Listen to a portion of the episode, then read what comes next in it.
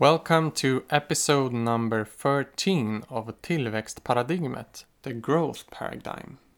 A podcast about our economic system, the global crisis, the drivers of economic growth, and about a transition to a real sustainable society. And my name is Hannes Anagrius, and the podcast is created in cooperation with the Swedish network Steg 3 and the aim of the network is to bring up a serious discussion about the problems of eternal economic growth in a limited world. And we want to see a prosperous society that is not dependent on economic growth to function properly and generate welfare. And because the guest of this episode speaks English, I made the whole episode in English for non Swedish speakers to be able to listen as well.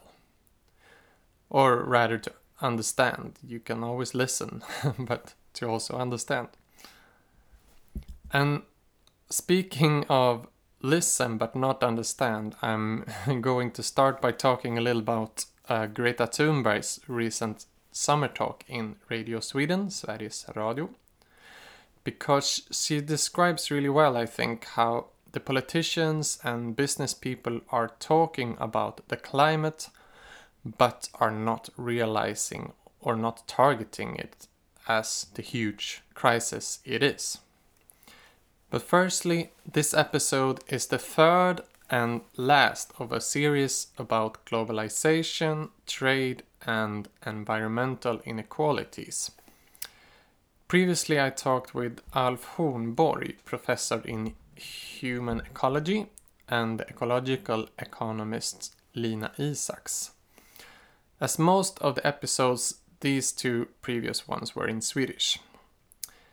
And this time my guest is Gloria Jimvaga, which works in Afrikagrupperna, the Africa groups, a Swedish NGO which uh, cooperates uh, with other African NGOs to fight the root causes of poverty in Africa. And Gloria is a policy advisor on the issues of land rights and food sovereignty, which we're going to talk about. The conversation is going to criticize the dominating discourse of development, trade, and food production. And we're coming to the concept of efficiency again, related to food. And mainly we will discuss around the issues of food sovereignty, ownership of land, the power of food and local seeds. Either it's the power of communities or of multinational corporations. And we're coming into the issue of land grabbing that is happening now in Africa, where foreign corporations gain ownership of ac- or access to land and people are dispossessed. From whose perspectives are the question what is best for African countries framed? How can we ask and answer that question more from the perspectives of the people in Global South? So these issues and perspectives are mostly invisible in Swedish media and Swedish public discussion, I would say. And I really think Afrikagrupperna is an NGO who dares to ask those inconvenient questions. And another one that really dares to ask inconvenient questions are Greta Thunberg. I think uh, she, in this summer talk, describes very well how this economic system is not able to fix the climate crisis and why this makes so many leaders suppress the truth, as she say, and turns to easy and false solutions. Luckily, uh, Greta made the whole talk also in English, which is available on Radio Sweden's website. And we can listen on a short excerpt from the talk. Here, Greta talks about what I have mentioned in earlier episodes that the most realistic option of cutting emissions and the most effective one that is, stop doing certain economic activities, is considered by people in power as the most unimaginable and unrealistic. So instead, they turn to easier but false solutions. Here is Greta. So, what should we do to avoid a climate disaster beyond human control? That is the question of our time. It is being asked by people all across the political spectrum from all over the world. But what if the question, to a great extent, has been phrased the wrong way? What if it should rather be, what should we stop doing to avoid a climate disaster? This year, 2020, the emission curve must be bent steeply downwards if we are to still have even a small chance of achieving the goals world leaders have agreed to. And then it's of course not going to be enough with a temporary and coincidental reduction of greenhouse gas emissions where the purpose has been to stop a pandemic. A common misconception about the climate crisis is that people think we need to reduce our emissions. But the fact is that if we are to keep the promise of the Paris Agreement, a reduction won't be enough. We then need to reach a full stop of emissions within a couple of decades and then quickly move on to negative figures. There are generally three ways of reducing emissions, apart from the most obvious, to replace current fossil energy with renewables, such as solar and wind. Number one is technical solutions. Techniques where you capture and store CO2 at the emitting source or directly out of the air. The problem here, however, is that the emissions need to drastically reduce now, and these techniques won't even exist at close to scale in the foreseeable future. These plants are still prototypes. Believe me, I've myself visited two of the leading facilities in the world. The second alternative is to use nature's own ability to absorb and store carbon which today often gets mistaken for only planting trees. Despite the fact that the most efficient way is to just leave the forests and natural habitats be in the first place. A forest area the size of a football field is being cut down every second, according to Global Forest Watch. That is every second of every hour of every day. No tree planting in the world could compensate for that. And even if we miraculously decided to shut down the entire forestry industry and use all the available space in the world to plant trees, that still will only compensate for a few years' emissions at current rates. The third option is the only method that is available at scale already today and that is to simply stop doing certain things. But it is also the alternative which people seem to find the most unrealistic. Just the thought of us being in a crisis that we cannot buy, build, or invest our way out of seems to create some kind of collective mental short circuit. And then Greta continues in her frankly and almost sardonic way by commenting on how easy it is to get away with fluffy statements and solutions. And then there's, of course, a fourth way of doing it.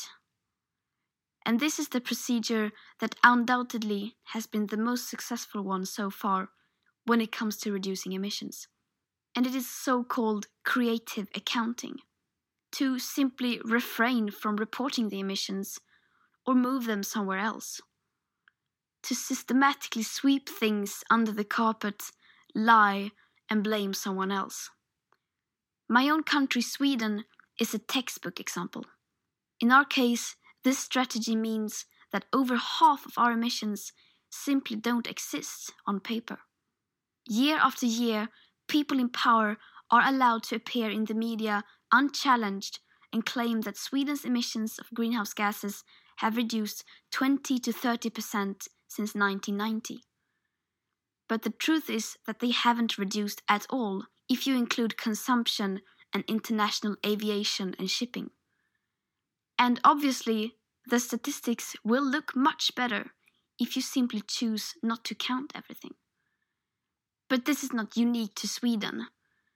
We have simply moved our factories to different parts of the world where the labor is cheaper, and by doing so, we also moved a significant part of our emissions overseas. And of course, this is a very convenient solution for the global north. But since the biosphere doesn't care about neither borders nor empty words, it doesn't work as well in reality. But the real problem is that when it comes to the climate and ecological emergency, the people in power can today say basically whatever they want. They are practically guaranteed to not receive any follow up questions.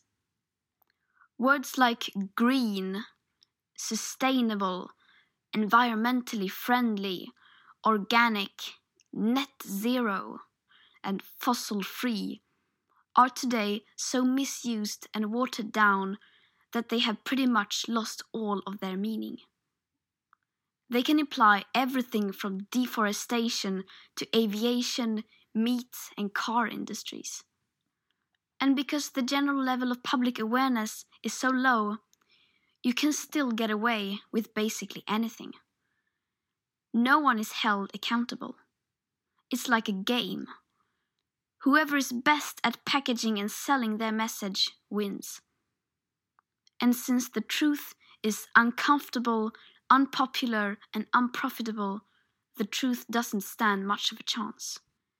Moral, truth, long term, and holistic thinking seem to mean nothing to us.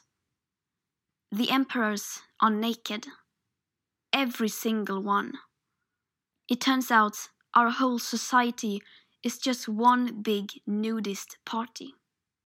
And I think this is a brilliant way of describing how the discourse is wrapped in a myth. It sounds here on Greta like the leaders of today are evil, but she has repeatedly said that she don't think people are evil, only that they don't understand and grasp the climate crisis. And I think I agree with her.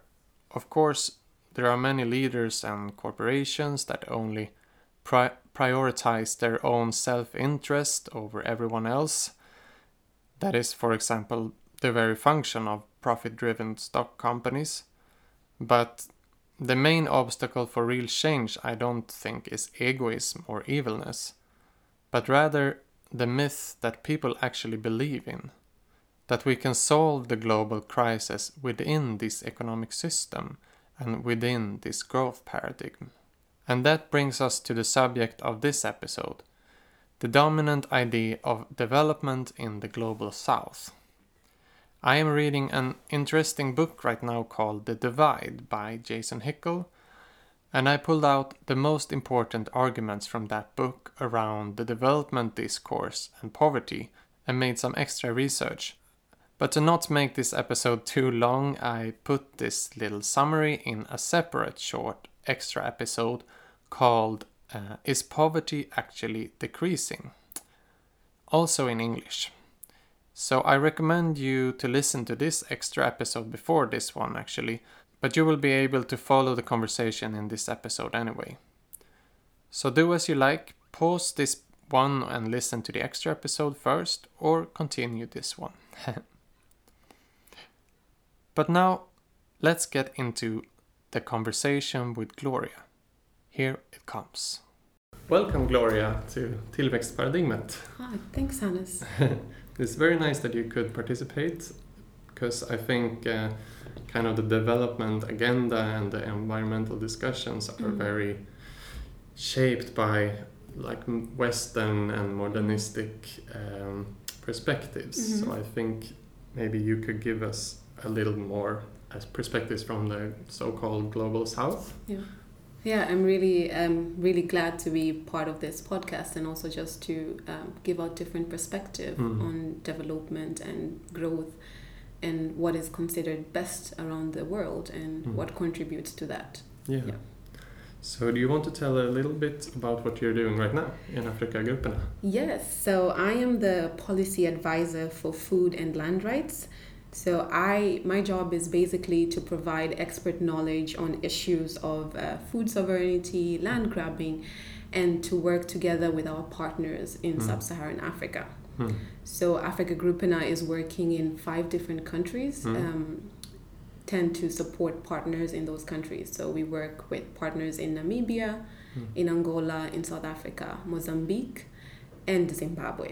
And Mm. in total, we have 30 partners that we are Mm. supporting and working with in a more Mm. solidarity partnership Mm. way. And also, Afrikagrupperna has been working in the support of decolonization as from way back 40 years ago. Mm. And right now, um, within Africa countries, there's only one country that is still colonialized, and that is the Western Sahara. So that Mm. is one of the area that we also work with. Mm. But- okay. But in a general aspect, we work in three thematic themes. So with the food sovereignty and the Mm. land rights, but also sexual rights and Mm. also um, human rights in terms of working Yeah. and living conditions. So broad issues, Yes. yeah, and Yes. very interesting Mm. issues. I think uh, that many people in Sweden uh, should learn more about. And one of the areas that you work with is food sover- sovereignty. Yes, say food it right. sovereignty, yes. Sovereignty. yes. Matsuveränitet. Yes. Um, do you want to tell a little bit briefly what it, what it is? Yes, so food sovereignty, it's a term that was coined uh, in 1996 by members of the La Via Campesina. And food sovereignty is a is an ideology and a movement that talks about food just more than just production. Mm.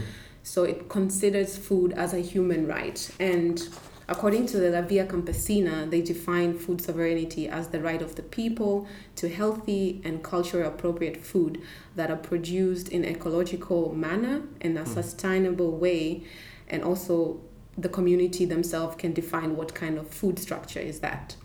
And this is really important because it's very different from what is food security because Yeah. food security is more about production. And that's the main concept that you used to you have in development discussions, maybe food security. Yes, Yeah. yes. It's mostly talked about that we need to produce and produce to feed people who are hungry. Mm. And um, according to the FAO, it's around 821 million people who are suffering from hunger or malnutrition. Mm. So most of the time, um, food security is discussed, but food sovereignty is one of the aspects which actually can look at different areas because Mm. it's not it's about production but also about like how is the food produced Mm. if you connect it with the climate change issues Mm. and also is it appropriate for the area are, are we imposing food Mm. that is not within um, Mm. certain societies. So it's really important because food uh, sovereignty acknowledges the ownership of the food system to farmers as well Mm. and denies the commodification of food that you have the right to food not uh, that you have to access it because of the Mm. money value that you have But um, I mean, most of the food in the world are bought, kind of. I mean, in the rural rural world, of Mm. course, many are halfly like buying foods and halfly self-sufficient. But is this food sovereignty also? Could you apply it to to people that are not mainly food producers as well? Yes, definitely. Uh, because if you speak more in, let's say, in a Western perspective or in Europe, um, there are a lot of small scale farmers in the community, as Mm. in Sweden, that produce food and also Mm. supply to the, the other society, Mm. not just multinational corporation. Mm. And food sovereignty also applies to those people in those Yeah. society that um, they themselves are able to define what kind of food system that Mm. they want in uh, depending on the area Mm. but also you as a, a consumer should have the right to choose what kind of food um, Mm. you want and from which kind of uh, area Mm. rather than just having the market deciding what is in the shelf or what is in the Mm. supermarket So you could also apply it to more urban populations.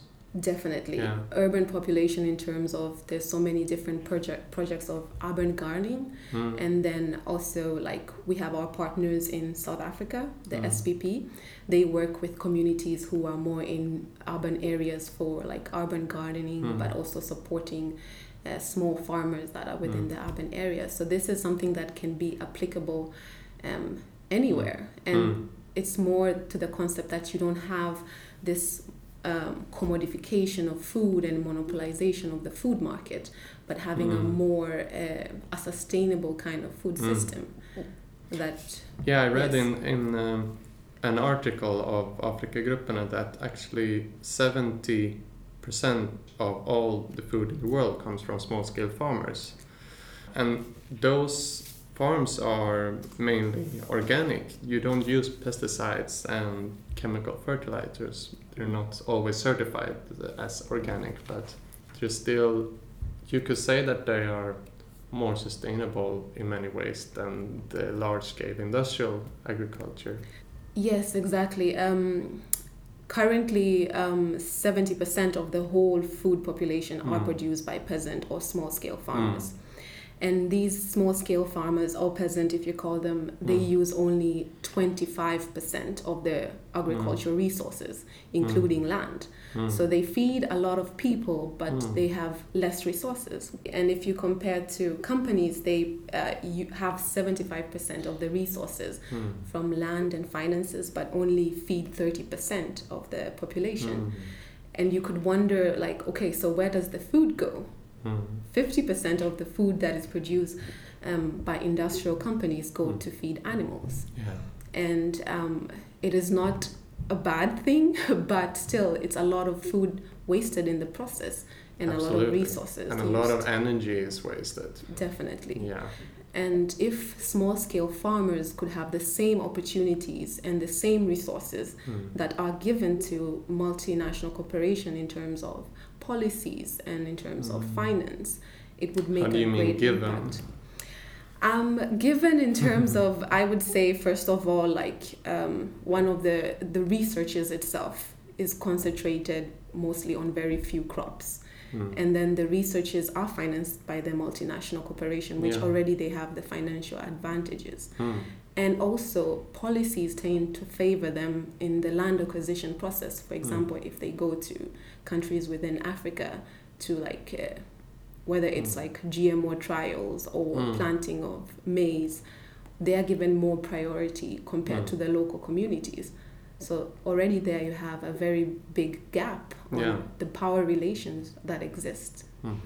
and this kind of model is also discussed more like the conventional industrial models Mm. many people the ideology that nothing else will work if it's not that Mm. it's really ingrained in us because we don't see actually um, who actually produced the food we are consuming Mm. yes And I also think it's an interesting issue with this uh, uh, efficiency. When when when big companies are talking about efficiency, they mainly talk about like money coming in, money coming out, mm-hmm. but not so much about actual natural resources and like what you put into this in forms of chemicals Mhm. and labor and everything. S- small scale farmers could be very efficient, as you said, like in terms of land use, uh, but maybe they need a little bit more laborers. But I mean, that could also be good. Yeah, um, in that aspect, it's more that um, the food that is produced by small scale farmer, most of the small scale farmers use indigenous seeds, local varieties, and they contribute to a lot of protection of different local varieties because Mm. already it's about 80% already extinction of seed varieties, and every day we Oh. lose more and more. Mm. So they contribute to that ecological aspect as well. And what's the big risk with that? That we're losing seed variations. because we are we're having a more mono monopolization Mm. of the seed structures so Yeah. we tend to concentrate when i say we i mean like industrial agriculture Mm. tend to concentrate on very few seeds and these seeds are the one which are pushed um, in the market and Mm. a lot of research is used for like maize itself but also we don't acknowledge the diversity of uh, the Mm. food system and if we do acknowledge the diversity of the food system it means that we will support small scale farmers Mm. seed variety preservation and um, Mm. protection as well Yeah, so I read on your website that nowadays actually three multinational companies controls 63% of the global seed market. yes So it's kind of all already very monopolized. and uh, yeah, because these um, kinds of seeds are quite different to the local uh, Mm. seeds. Would, do you want to tell us more about that? Yes, so um, I would start first a little bit further when it comes Mm. to the seed monopolization process. I would go back to the whole concept of green revolution. Mm. So the ideology when uh, green revolution that started from the US uh, long time, Mm. it was an ideology of that oh we need to produce we need to advance our agriculture system and we need to produce more. And what kind of way should we produce? Um, we need to advance the seeds that we have. We need to you know use more fertilizer chemicals uh, just to produce more and this ideology has been imposed in different countries in different form for example in india Mm. green revolution was imposed to a point where farmers uh, committed a lot of suicide because they were imposed to use these seeds that are either hybrid seeds or GMO seeds Mm. that led to a lot of dependence from the farmers because you cannot reuse them No. uh, you cannot save them you have to uh, purchase them because they have Mm. patents and intellectual From the same property. company exactly first uh, that first gave it to you. Yes, exactly. So the companies, these uh, companies, um, the multinational companies produce the seeds, they produce the fertilizer and the chemicals. So it's more Mm. like it's it questions the ideology like you are imposed to use Yeah. the chemicals from the same seed producers. Maybe if you could relate it to Mm. uh, us privileged privileged uh, persons in Sweden that Mm. if you buy these Apple products, all the Apple products are kind of you uh, connected to each other, so you Mm. can't use another device from another company. Yeah. It's a little bit the same, but you're you're much more dependent because you have uh, very few modules in your life. Yeah, I would say it's very also very complex because when Mm. you when you talk about the food system, there's many things that are dependent towards you getting the food that you consume, Mm.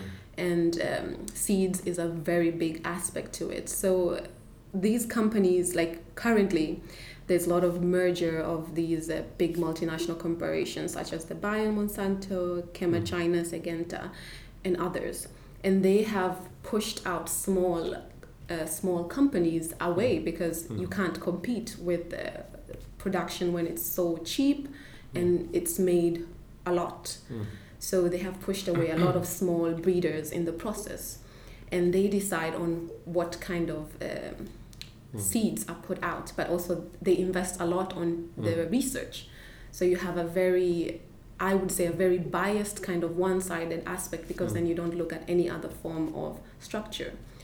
But isn't that good then? You, you could say that you produce a lot of cheap food for the world. Um, if you look at in terms of numbers, it Mm. might sound good, Mm. but then the same production that is produced does not feed the majority of people who are uh, going hungry or malnutrition. It goes to other aspects, Mm. and also it does not benefit the different societies or the different countries that are engaged in this process. You mean it's exported and used in, for example, the um, the meat industry, or Yes, um, it's exported for meat industry, but also it does not feed the community because the community have the right to have a good nutritious food, not just a cheap provided food. no? And that's what um, food sovereignty and agroecology is very different because Mm. th- with that aspect you would produce nutritious food with different varieties Yeah. and lo- uh, local farmers for years have been having this knowledge with them but most of the time when farmers come with its uh, different um, ideology or agroecology Mm. or the ways in it's always seen as backwards Mm. and old fashioned because they don't have the um, resources to Mm. Put their ideas out there as big companies do Yeah. So the kind of conventional development thinking is very directed to quantities of food, like exactly calories or something, yes but not so much about quality. yes quality and also how much resources is used in the process if you take example the production of palm oil Mm. um, biofuel and many different others. There's a lot of destruction of environment and also a lot of intensive use of chemicals and fertilizers. And currently um, with our partners within sub-saharan africa they're doing different initiatives to try to stop this dumping of chemicals because it's imposed on you that you buy um, a certain seed and then you have to buy the Roundup or herbicides to use Yeah. it. To Roundup is a pesticide. Yes, it's a pesticide. Uh, to use it, and it's a form of herbicide or pesticide that kills weeds. Yeah. And all these are imposed to you by the multinational corporation who are controlling the system. Yeah. But what what is the reason that farmers are actually buying these seeds? If they have the local seeds, and then the companies comes and, and tell you buy this instead, why do people? Is it uh, do they freely choose the other ones, or are they kind of uh, fooled into this? Mm. What would you say? So, on a experience level, I would say that it, it depends Mm. because when seed are imposed in the community, they come in different form. Mm. So one, it might come from uh, in form of aid, when countries, like example within the global south, are going through conflicts or war. So they come in form of aids, and you don't know what Mhm. kind of seeds you get. But also, there's a lot of lobbying in the Yeah. process. Um, a lot of multinational corporations are um, funding some of the projects within sub-Saharan Africa in the name of like uh, green revolution Mm. and they use this ideology to sell their seeds and fertilizers and that is very uh, uh, an example is in agra which is the green alliance for africa funded by the bill and melinda gates and their Mhm. notion is Mhm. more like we need to produce we need modernized seeds Mm. but completely ignoring the indigenous seeds and the local seeds that Mm. has been uh, feeding the communities Mm. and the problem comes when you have this um, seeds that are imposed in the community, it destroys the local market Yeah. because people stop buying produce that are produced locally. They buy what is cheap. Mm. And um, that really kills their resources Mm, within I the market and leads to a lot of dependence for the farmer because the Yeah. farmers in the beginning are told like oh you would increase um, production Yeah. but then when they start growing it, they notice they have to use intensive chemicals. They Mm. have to their land become uh, poisoned, as some of the farmers describe, and after some years they cannot reuse it the same way. Yeah. And So these, they're not really told the whole story Yes. when they're coming. exactly. Um, not only not told the story, but also not supported by their own mechanism that they have been Yeah. um, implementing. Mm. um, if you talk to farmers and you ask them, okay, what is sustainable for you and what do you think um, would be best? For example, in Mozambique with the Mm. organization called UNAC, most of the farmers would be like, oh, I, what I need is more um, a good social service that will provide like irrigation and other things, Mm. but also I need a mechanism to sell my food in the market that it Yeah. doesn't go waste along the way because um, people live in different areas and Is that kind of the main problem that you don't have access to these markets, or one of them?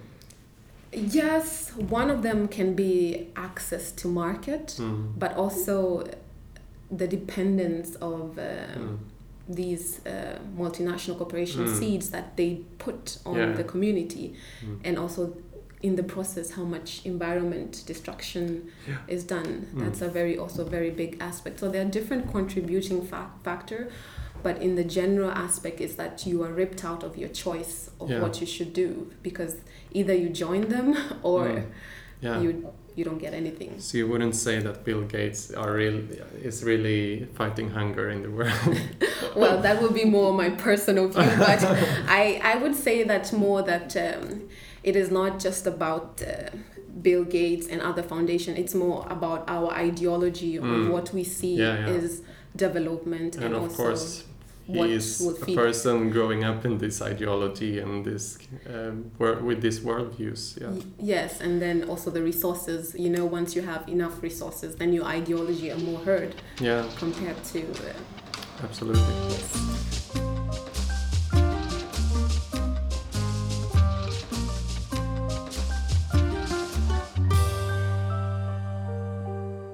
So, speaking of ideology, um, kind of the general economic paradigm right now says that more international trade is always good for everyone, kind of. So, if we're speaking of free trade, like if we remove barriers for flows of capital, investments, and goods, um, the production as a whole will be more efficient, they say. Mhm. Um, and it will benefit uh, poor countries, for example, because they will be having access to the global market and it will be create, creating work opportunities and cheaper products. Uh, and this is kind of grounded in the theory of com- comparative advantages that kind of every country will produce what it can do best uh, and most cost efficient. what do you what do you think is kind of missing in this picture, or do you think this whole theory is very misleading, or what would you say? Mm, I would say more on the the area of free trade, like commenting free trade in relating to agriculture and Mm. food sovereignty and land grabbing. The whole notion of free trade has a very long history and um, in some came in form of structural adjustment program for countries within Africa, Hmm. whereby the There world was those programs from Yes. IMF, yes World IMF Bank. World Bank yes They gave aid uh, and loans uh, Yes. with very strict um, conditions conditions. yes. very strict condition but also um, advocating for a more very capitalistic kind of structure Yeah. where it's like open door or have this like open up your economy and your Mm. markets to the world Yeah. and so with free trade aspect itself um, free trade the way it is structured tends to protect more the companies Mm. so the companies they they have this invest investor state dispute settlement so Mhm. companies have the power to sue government Mm. in case they invest in countries and then it doesn't go well or they don't adhere to um, Yeah. the international investment agreements that uh, That's con- what they were trying to implement in this CETA agreement as well between uh, Uh-huh. America and, and, and EU. yeah Yeah. Ah, okay. Yes. So when you have this international investment agreement as part of free trade, and within it only protects the uh, multinational corporation, Mm. it means that it, it gives power already to the corporation to go and invest anywhere. And with globalization, there's a lot of investment Mm. done from around the world within the Mm. global south and even Mm. in Europe. And these companies tend to have different offices, different places looking for cheap labor, Yeah. and other resources. And already um, they are protected with this kind of agreement. Mm. And that is not fair because when uh, land grabbing happens, for example, Mm. the community don't have anywhere to go to actually demand that the company to count them accountable. No. But also there's this like corporate social responsibility Mm. that most companies go into investment within uh, sub-Saharan Africa and promise um, Mm. corporate social responsibility that they never fulfill Yeah. uh, majority of the time. Mm. But then there is no mechanism to actually follow up on that.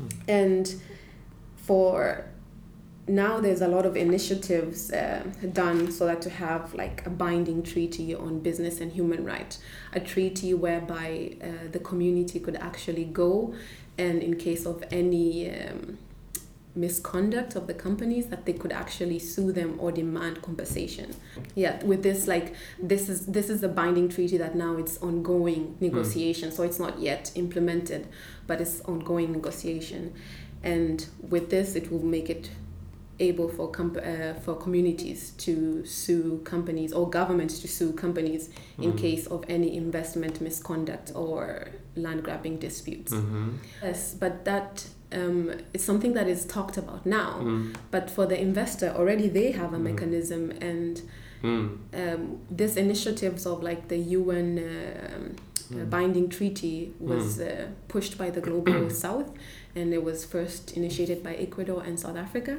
Mm. in all this to just address the injustice that uh, Mm. community are facing and there's a lot of different land grab cases within Latin America within sub-Saharan Africa Mm. that companies uh, violate human rights and nothing is done or they Mm. just leave the land bare and disappear Mm. so they with free trade it has to have this mechanism where it Mm. protects also the community in Yeah. the process. Absolutely. Uh, another thing that is mostly overseen when you talk about free trade is also history. I think that's uh, if you look at how the Western, if you look at the Western countries, Japan and China, Mm. and how they actually developed, they they didn't open up the borders to free trade in their developing phase. Kind of. Uh, on the contrary, they had like uh, a very protectionist approach in the beginning and opened up after they developed their coun- countries internally. I read a very good book about this um, by the economist Ha Jun Chang um, called Bad Samaritans The Myth of Free Trade. So he showed this that the Western countries used all kind of subsidies and tariffs and bans or, to benefit their own products. And later on, when they this it was kind of a forced the market liberalization on the African and Latin American countries by the IMF and World Bank. Uh, they hadn't had time to develop their countries internally, and then they said like open up Mm. to and they they couldn't compete to these big companies you know Mm. so i think that is uh, also an important issue Yes, of course, you cannot deny um, how history has contributed to different dispossession of resources and a lot of exploitation Mm. um, of resources and community displacement in the process. So, from Mm. colonialism to Yeah. neo-colonialism, mm. there's a lot of um, injustice in between. Mm. And with programs like structure adjustment programs, it has not helped in the process because um, it was viewed as, oh, this is a way for development. And Mm.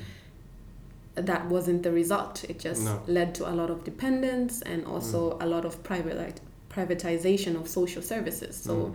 in areas that were providing like free healthcare or subsidies for agriculture, they had to stop and let it open up to market. yeah And with with that kind of structure, I would say it supported a lot of individualism Mm. uh, within societies and also even our general thinking. Like we would think more of ourselves than the community mm. or the resources that we are uh, using.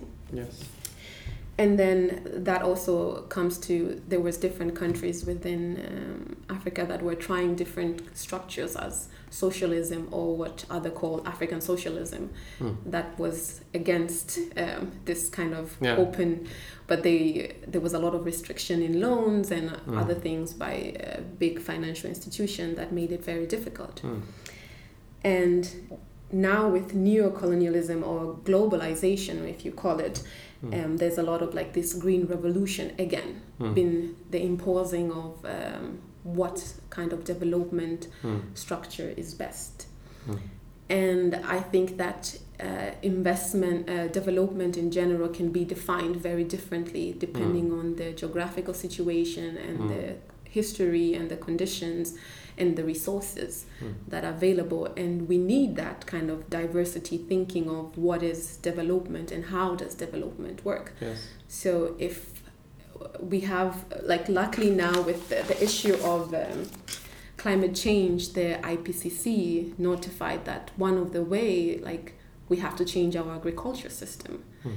and one of the way they supported was agroecology so for the first time you have Mm. this recognition of Yeah. a kind of agriculture that was seen more very primitive yeah that to be like oh this is one of the solution i think also un's uh, food and agriculture organization had said that it's the best way to to both uh, promote uh, a more environmental friendly agriculture and, and and to kind of end hunger is to support small scale farmers i think uh, they actually recognized that Yes. Wow. Yes, definitely. And um, with uh, agroecology, but also um, investing into agroecology, like by providing necessary services for the Mm. community. And uh, one of the good example we have is like um, one of our partners in Mozambique, UNAC, and they have their own local seed banks. And Mm. they only save what is uh, indigenous seeds or organic seeds Mm. and they have a really huge seed bank but then again, they need more support in terms of um, facilities, in terms of research on indigenous seeds, in terms Mhm. of having a more open, diverse food system that are uh, regulated by Mm. small scale farmers, which are the majority Mm. of the people. I would say that um, for now, with what is happening in the globe or the geopolitical, Mm. it is good to, again, to have a different ideology of what kind of system um, is best. Yeah. Already looking at what hasn't worked and what uh, the mistakes we keep doing and uh, how climate change is affecting us on a daily Mm. basis. So it is important to change or redefine what we think is development. In some situation, you would see there's more impo- uh, imposing on what kind of development Yes. community want and some would view oh like if we have if we produce a lot and then we have a lot of waste that we can you know we have so much production then Mm. we are so developed but Mm. the extra that is there's a lot of dumping of different products that we are consuming within Europe Yeah.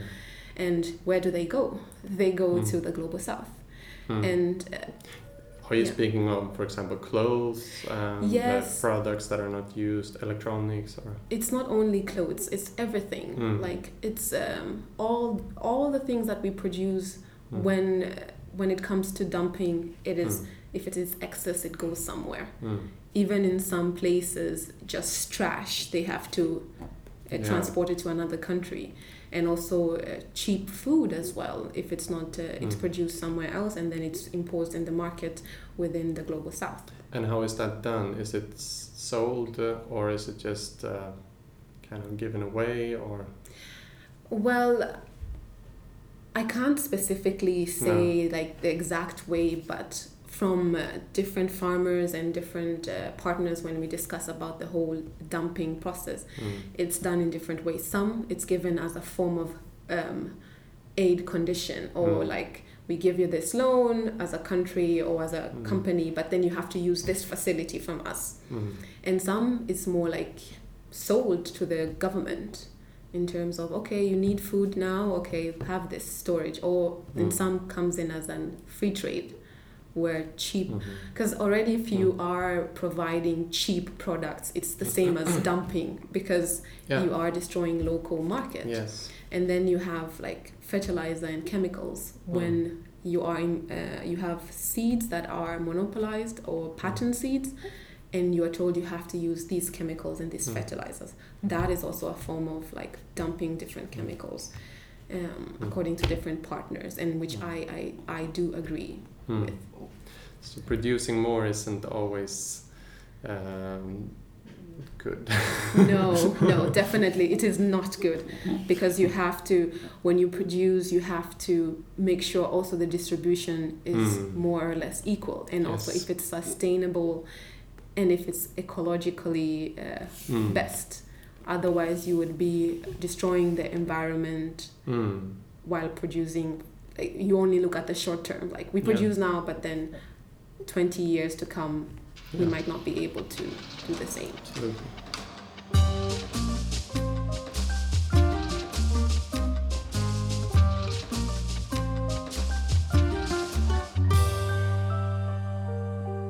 wanted us to talk about land grabbing a little bit. Mm. So this is a major problem for many small farmers, especially in, in Southern Africa where you, where you work Mm. or your partners are. Do you want to tell us uh, what land grabbing is and why is it a problem? So there's a lot of definition on what is land grabbing, Mm. but um, in summary, it's just the when companies or institution or multinational corporation acquires land with without proper consultation or compensation of the community Mm. or without adhering to different laws um, within the state but also international Mm. laws or safeguard of human rights Yeah. so all this is uh, land grabbing, and also when you acquire land and dispo- uh, displace a lot of people out of their livelihood, Yeah. that is also a form of land grabbing. And Even if it's kind of according to the laws. Yes, because well, when you say according to the law, it um, it's very it's very complex Yeah. because when it comes to land issues, different countries have different laws. Yes. And then what happened is that sometimes these companies uh, corrupt in the process or use the missing um, use the advantage that maybe it's not stated in the law to do what they want in terms of that oh okay so the law doesn't clearly say that we have to get specific signatories or mm. specific so they would go to a community. Mm. And if a community gather that is already official gathering. Mm. And companies will be like okay we did that. We we consulted the people but they did not tell them No. exactly how long they will have the land. Will the land change in terms of ownership? Because it's Yeah. very different from uh, what is in Europe or let's say Sweden. Because in Sweden everyone owns land in terms of statutory law. So Yeah. more law that specifically says that you have this specific hectare or you have this flat or you have this land hmm. and then you have also the reserve land hmm. etc but in most of sub-saharan african countries they have two kind of ownership. Hmm. They have the statutory statutory uh, law which is more like the normal law or if you say so the first one is the same kind of ownership that you have in sweden Yeah. that you have a title or you Me as an individual own Yes. this land. Yes, Yeah. me as an individual, yes, exactly. Mm. Or as a family. But in Mm. sub Saharan Africa, there's a different ownership. Mm. There's the individual ownership, and then there's the community ownership, and then that community ownership can be through customary law. So Mm. you have the right to have land even if you don't have any document or Mm. paper because um, the land has been in your family and Yeah. it's acknowledged in the law. Yeah.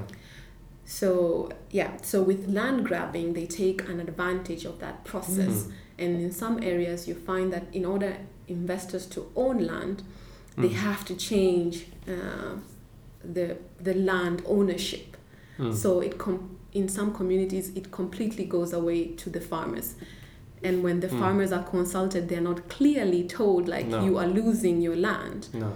And And I guess it could also be a lot of money under the table. You know, you could speak to a representative that is Mm. not really a representative of all them, and and uh, maybe he has something to to Mhm. win in this deal, but Mhm. maybe not the community as a whole. Yes, definitely. And also like information sharing, how is Mm. information given? Uh, Yeah. Is it really representative? And uh, most of the time, also it comes in because with the global crisis in 2008, there was a lot of um, companies wanting to invest uh, Mm. within African countries for production of food. And with that, different governments sees it as a form of development because the GDP increases Yeah. but then uh, internally people are displaced out of their livelihood so people Mm. become more worse than they were Mm. and uh, i think that the whole notion of how poverty is defined already um, being uniform already is a problem Mm. but also um, how it is how um, how to combat poverty Mm. um, we have like one size fit all Mm. and uh, I would say that um, in order to eradicate like hunger or poverty, we have to look at the whole community as one Yeah. um, rather than individual. Yeah. Um, that is my personal view. Mm. Mm. so not Africa group enough, but me. Um, so yeah, so I, I think it's really important to look at the whole community uh, Mm. in terms of how much resources do they a- access and Mm. if you look into the community Mm. then you would look towards issues such as free healthcare Yeah. good social services. I would take a very simple example that I um, I like to discuss sometimes with people is that Mm. imagine um, if in Sweden you had to pay the exact cost for healthcare, Yes. the exact cost for education, Mm. the exact cost for transport without subsidies or government support. Mm. And of course, it's uh, uh, taken out from your tax. But if that did not exist, Mm. then the situation would be different because Mhm. then you would have to think about this social aspect individually Yes. and I think that um, with poverty and with reducing hunger should be thought more of like a unit more uh, and that's why I think that Mm. when you have like communities advocating for seed banks, community uh, advocating for like binding treaties to hold companies uh, accountable, Yeah. when you have all these initiatives and support of it, it can Mm. really reduce uh, poverty and hunger. But also, we have to be aware of the dynamics in terms of power imbalance that exists in the world or between the global south and the global north. But also in the communities, I guess. Yes. I mean, there could be it's we can't can't be sure that it's a democratic community, and it could be like imbalances between women and men. Yes, definitely, and that's a very good point because, uh, in terms of uh, gender aspect or in terms of women, women don't access the same resources as men Mm. do in a Mm. general Mm. aspect in terms of agriculture. Mm. But still, women produce a lot of food. Uh, most Mm. of the food that we consume are produced by women. I heard, uh, or maybe I read it on your webpage that Yeah. it was ninety percent of the food in south uh, southern parts of Africa that were Yes, I think it's kind of produced Yes, I women. think it's between 90 and 80 percent. Yeah. But yes, Mm. they are produced by women with Mm. very less resources compared to men. Mm. So, in order to also deal with issues of hunger and poverty, we have to deal with the issues of gender, with the issues of feminism, Mm. um, to incorporate that in the process. That we need equality uh, between different genders and different Mm. groups, but also in a national power relation level, Mm. and also being aware. But by working with the communities instead of kind of coming from above and say do like this, yes. be equal. Yes, exactly. If you impose different uh, rules, and it's the Mm. same as imposing seeds, imposing chemicals, we have to have like a top down, Mm. uh, sorry, down, Bottom up. bottom up, yes, bottom up process where it's more inclusive, and that is Yeah. more done if you include communities, if you c- include academicians, if you include Mm. researchers, if you Mm. include different parties together, um, which is very, of course, very difficult Mm. because everybody looks to their own personal interest. But first, it should be more like what are the communities needing, and how can um, we, as a different institution or the ones who have more privilege, Yeah. can support that. Absolutely. And I think it's interesting with land grabbing, uh, there's a concept um, called, I mean, uh, commons, uh, that nobody really owns this, uh, this land on the paper, but you, you produce together, you use the land together. And in kind of um, conventional economic thinking, these commons aren't really valued. Um, there's um, this uh, classical theory, theory by Garrett Hardin that the, the tragedy of the common that everybody have kind of incentives to take as much as they can from a common resource so they uh, they will overexploit it but as Elinor Ostrom and a Nobel a winner of the Nobel Memorial Prize Yes. in economics showed there are many commons around the world that can actually effectively manage commons by creating very like good institutions, rules, and especially on smaller geographical uh, scales. Basically, she showed that um, people can communicate, surprisingly. Yes. And maybe the ideology from above is more that we need to sort this ownership uh, issue out, kind of. Yeah.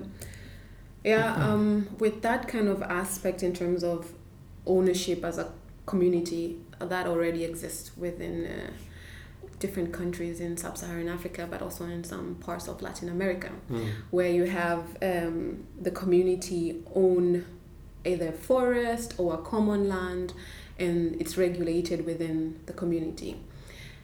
And that is very sufficient because then together they make decision on how they want to use resources and it's also very sustainable because you would use it efficiently for not just the the generation but the current generation but also generation to come but you also have indigenous group in the process that their form of livelihood depends on communal land Mm. like the hun- uh, the pastoralist and Yeah. other indigenous group Mm. so their way of being depends on the community land. Mm. And if that is restricted, already you have displacement of people, crisis of identity, but also stripping away of the essence of the culture Mm. of someone. And And we have that in Sweden as well. Yes. Sami people. yes, yes, the indigenous group, yes. And uh, you could also uh, read through the history of Sami people and how land has been a very Yeah. big issue and maybe not talked about so much, but it's really interesting to Mm. to see that um, the challenges that indigenous community face Mm. it's very similar in different places. Mm.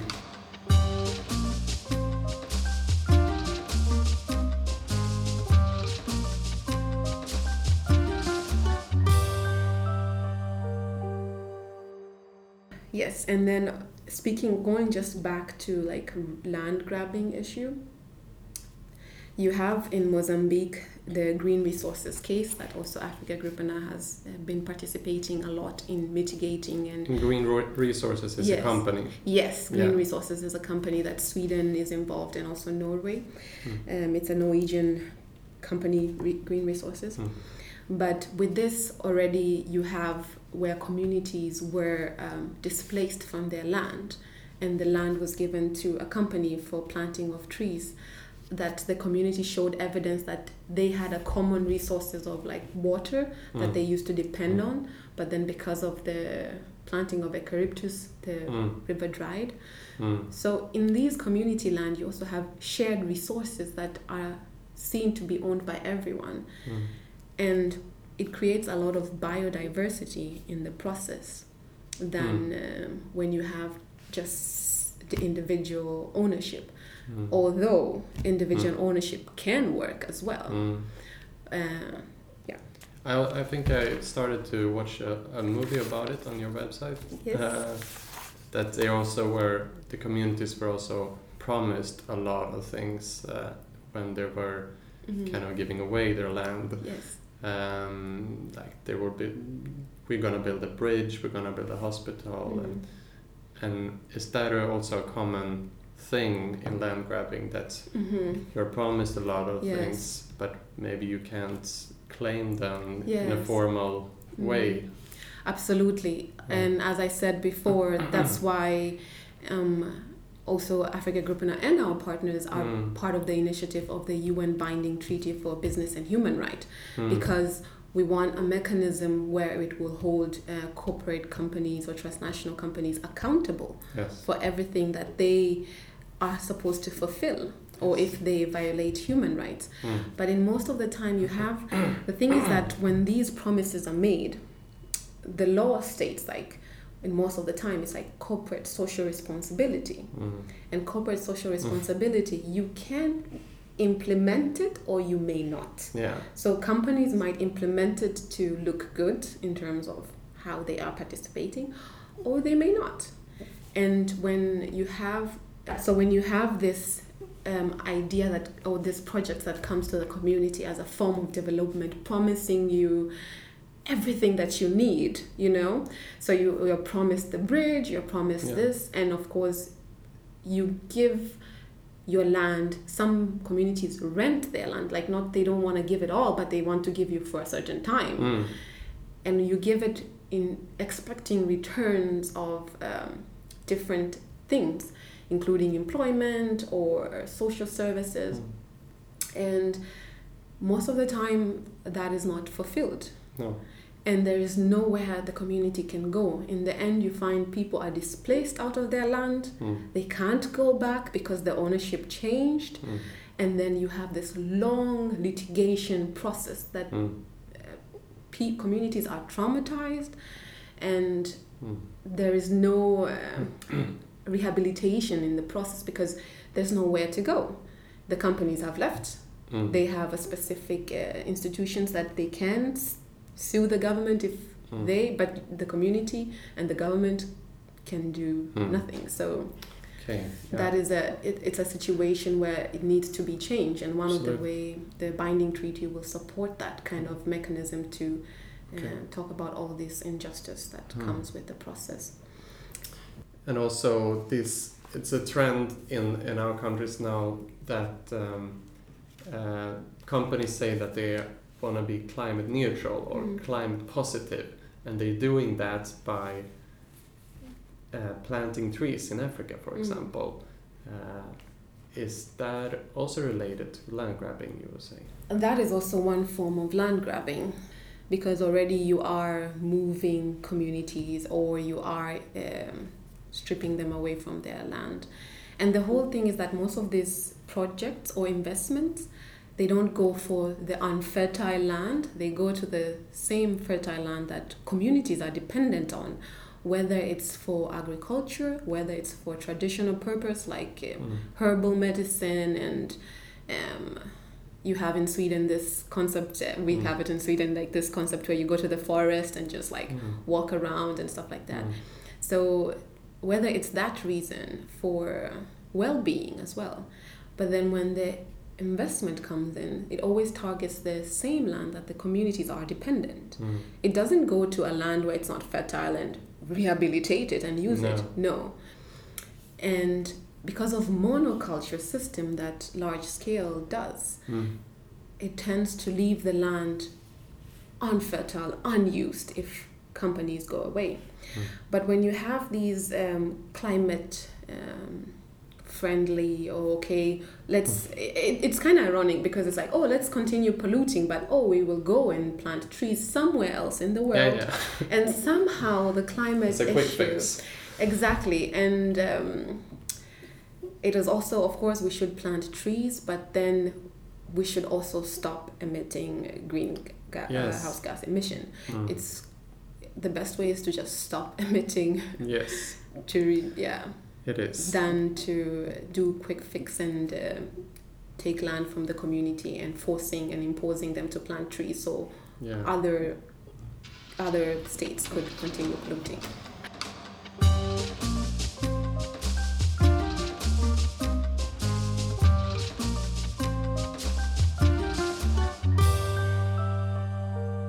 If you would uh, define sustainable development in the, uh, in Africa, like if, if we're not going with this uh, very free trade and growth uh, oriented paradigm, um, what would you say is um, an alternative way to meet the social and economic needs of poor in Africa in a sustainable way? It's a very broad question, but Yeah. and maybe you can relate it to what your uh, what Afrikagrupperna is pushing for right now.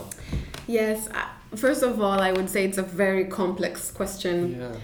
Um, but the thing is that the best alternative should be more of an aspect where um, we have like common global agreements, like in terms of um, in terms of like okay, we are protecting human rights, we are protecting our environment, we are making sure that we do not destroy our earth. I think we Mm. should all have that Mm.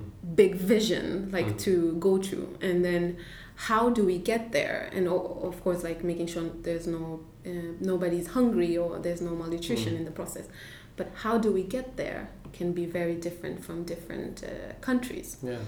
and with being aware of already the big inequality gaps that Mm. exist in the society so this can look very different and also for countries within um, within Africa the global south is not just dependent on itself there's this north and global relations Mm. that cannot be denied in issues of development and Yeah. each side plays a role either Mm. in supporting or exploiting Yeah. Um, A so structure that lives on from the colonial age. you know. yes Yeah. yes but also the Mm. the way we, we define globalization and the way Mm. we consume food Mm. the way we uh, pass different laws in the Yeah. international level. All these are very dependent. Mm.